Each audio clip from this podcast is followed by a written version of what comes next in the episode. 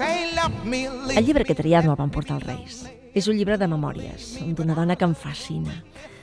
Només el pròleg ja comença així.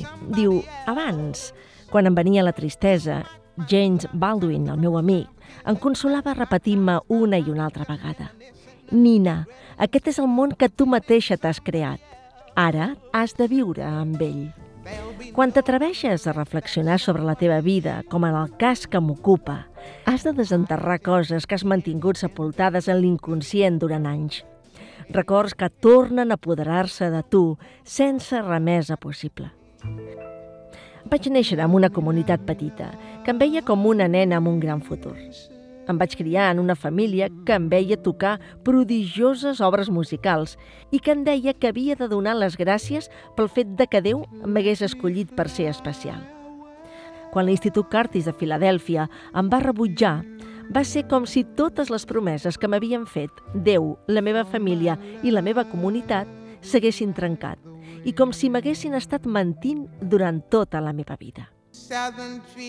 Ningú mai m'havia advertit de que fes el que fes en la vida, el color de la meva pell sempre marcaria una diferència.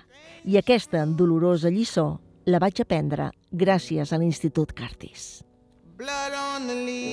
No em sentia artista, però a mesura que em vaig involucrar cada vegada més en el moviment per la defensa dels drets civils dels afroamericans, la meva actitud cap al públic em va anar canviant estava dedicada a la lluita per la llibertat i el destí que li esperava a la meva gent, els afroamericans. El llibre es diu Víctima de mi hechizo, víctima del meu embruix, Memòries de Nina Simone. El llibre està escrit en castellà i és de l'editorial Libros del Cultrum. Un llibre que des de la primera plana a la última no deixa indiferent. Bé, aquest és el llibre que he triat per aquest Sant Jordi.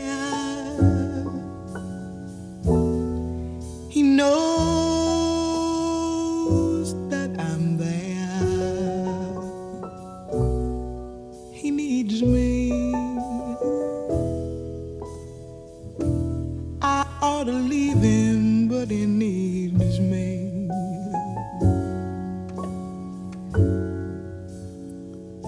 I know that I ain't very bright, just to tag along. Oh, but right or wrong,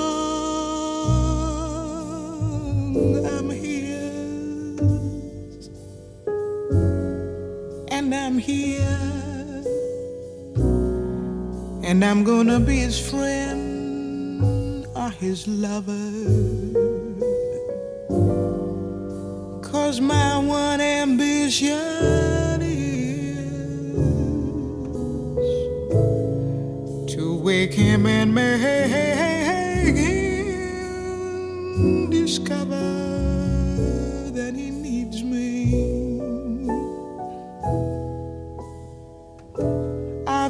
to follow where he leads me,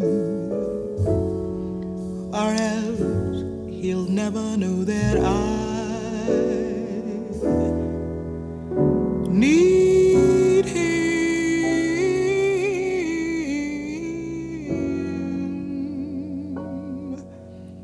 just as he